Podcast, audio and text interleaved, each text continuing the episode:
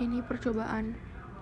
Jadi sekarang lagi bingung banget. Nggak tahu lagi stres banget. Ya Allah ya Allah tolong bantuin.